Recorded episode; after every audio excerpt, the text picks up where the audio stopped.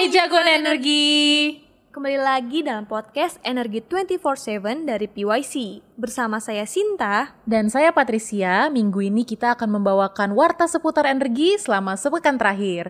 Tidak perlu berlama-lama lagi, let's check it out. Berita pertama datang dari harga komoditas energi. Rata-rata Indonesia Crude Price atau ICP bulan April masih mengikuti ICP bulan Maret yaitu sebesar 113,50 US dollar per barel. Per 27 April 2022, harga minyak West Texas Intermediate atau WTI untuk kontrak bulan Juni berada di kisaran harga 101,96 US dollar per barel. Sementara harga minyak Brent untuk kontrak bulan Juni berada di kisaran harga 105,6 US dollar per barel. Dan harga batu bara acuan bulan April 2022 tercatat sebesar 288,40 US dollar per ton. Dan Newcastle Coal Price per 27 April 2022 tercatat sebesar 325 US dollar per ton. Setelah harga komoditas energi, kita masuk ke sektor migas yuk. SKK Migas targetkan tambahan produksi migas dari 12 proyek pada tahun ini. Berita diambil dari Kontan 27 April 2022. SKK Migas menargetkan tambahan produksi dari 12 proyek migas yang bakal on stream tahun ini. Nah, 12 proyek tersebut terdiri dari tiga proyek minyak dan 9 proyek gas. Kehadiran proyek-proyek ini diharapkan menambah produksi minyak sebesar 19.000 barrel oil per day dan gas sebesar 567 juta standar kaki kubik per hari. Kepala SKK Migas, Dwi Sucipto mengungkapkan, dari total 12 proyek untuk tahun ini, baru satu proyek yang telah on stream, yaitu Bukit Tua. Proyek Bukit Tua fase 2B milik Petronas Carigali Ketapang 2 Ltd ini menelan investasi sebesar 116,63 juta US dollar. Adapun dua proyek minyak lainnya yakni Tanjung Waterflood oleh Pertamina IP dengan target on stream pada bulan September 2022 mendatang. Satu proyek lainnya yakni proyek Double Y milik PHEO NWJ dengan produksi 2000 barel oil per day yang bakal rampung pada bulan Desember 2022.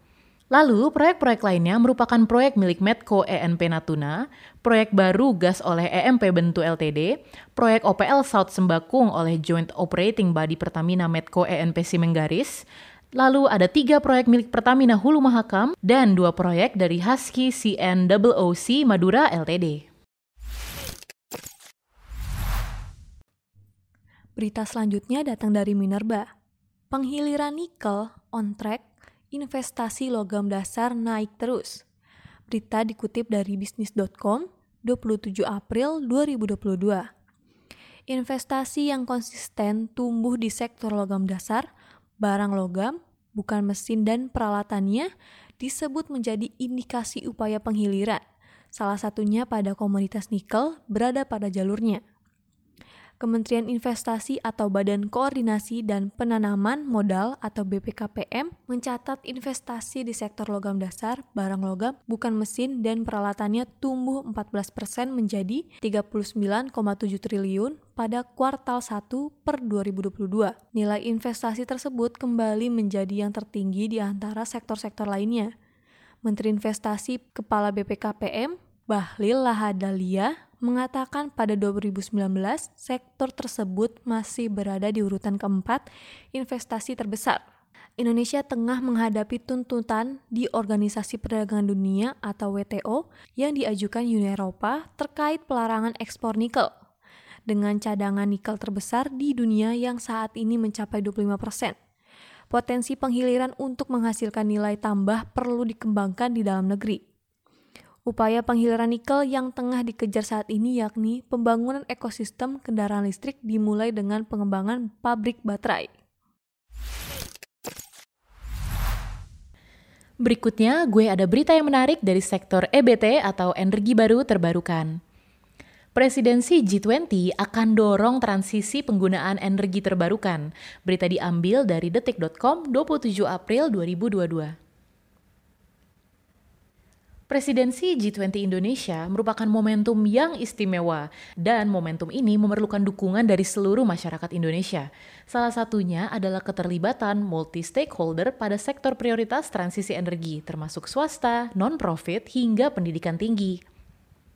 Hal ini ditekankan dalam pembukaan seminar G20 oleh Direktur Jenderal Informasi dan Diplomasi Publik atau IDP Kemlu Dubes Teuku Faizasyah yang bertajuk Langkah Maju Energi Terbarukan Indonesia di Gedung Wikamser Semarang akhir pekan lalu tanggal 22 April.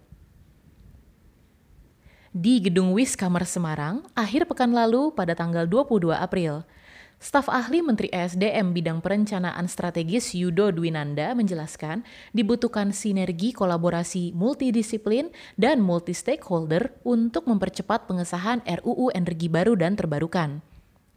Faktanya, pengguna migas terbesar adalah G20, sehingga setiap negara-negara anggota G20 memiliki tanggung jawab bersama untuk melakukan transisi energi menuju energi yang terbarukan. Nah, Indonesia sebagai tuan rumah tentunya harus memanfaatkan G20 agar memberikan efek nyata manfaat ekonomi bagi masyarakat Indonesia dan dunia. Berita selanjutnya, kelistrikan.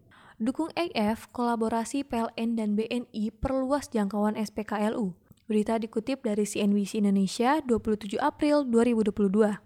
PT PLN Persero menjalin kolaborasi dengan PT Bank Negara Indonesia Persero, TBK BBNI dalam menyediakan infrastruktur stasiun pengisian kendaraan listrik umum atau SPKLU di tanah air.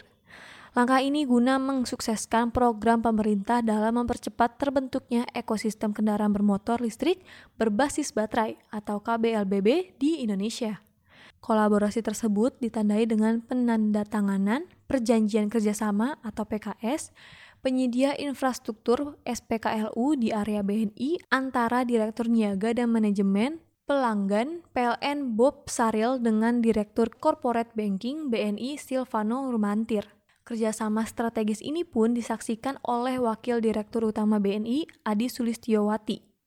Direktur Layanan dan Jaringan BNI, Roni Vania, serta Direktur Keuangan dan, men dan Manajemen ris dan Manajemen Risiko PLN, Cynthia Rosli, pada tanggal 26 April di Jakarta. Kolaborasi PLN dengan BNI menjadi wujud sinergi antara BUMN dalam menjaga kelestarian lingkungan dan mendukung pemerintah dalam mengejar target net zero emission pada 2060 dengan mendorong transisi energi melalui pengurangan emisi karbon pada sektor transportasi. Dalam kolaborasi kali ini, PLN dan BNI akan menyediakan infrastruktur SPKLU di area milik BNI Penyediaan SPKLU di area BNI dimulai dengan tiga unit yang akan dibangun di area Graha BNI Sudirman, Jakarta, Menara BNI Pejompongan, Jakarta, dan kawasan ITDC Nusa Dua dan Pasar Bali. Jagon energi, tidak terasa kita sudah sampai di berita yang terakhir. Minggu ini gue ingin menutup dengan satu berita dari topik climate change. Sri Mulyani akan bertemu Jeff Bezos bahas perubahan iklim dan transisi energi. Berita diambil dari Tempo 24 April 2022. Menteri Keuangan Sri Mulyani akan melakukan sejumlah pertemuan dengan Vice President hingga pendiri Amazon, Jeff Bezos, untuk membahas perubahan iklim dan transisi energi. Menurut Sri Mulyani, pertemuan ini menjadi sangat penting dan produktif. Jadi, Indonesia berkomitmen untuk mengendalikan perubahan iklim dengan target mengurangi emisi karbon sebesar 29% di tahun 2030 melalui Paris Agreement. Selain itu, perubahan iklim juga menjadi salah satu isu utama yang dibahas dalam forum G20 Indonesia. Adapun upaya yang mulai gencar dibahas mengenai perubahan iklim adalah transisi energi menuju penggunaan energi yang lebih ramah lingkungan. Mengutip laman resmi Kementerian Keuangan, pemerintah telah menguraikan upaya-upaya yang dilakukan guna menangani perubahan iklim. Pertama, dengan mengurangi emisi CO2 pada beberapa sektor dan aktivitas ekonomi seperti sektor energi dan sektor kehutanan atau penggunaan lahan. Lalu yang kedua, pemerintah mulai mengenalkan carbon market, skema perdagangan karbon yang dirancang untuk mengurangi emisi CO2. Sekian podcast minggu ini yang telah kami bawakan. Jangan lupa follow semua media sosial PYC, ada Instagram, Twitter, LinkedIn, Facebook, dan jangan lupa juga untuk subscribe ke channel YouTube kita. Dan PYC mengucapkan selamat hari lebaran Idul Fitri 1443 Hijriah. Mohon maaf lahir dan batin. Dan selamat berlibur untuk seluruh masyarakat Indonesia. Udah dulu ya guys. Stay safe and stay healthy. Bye.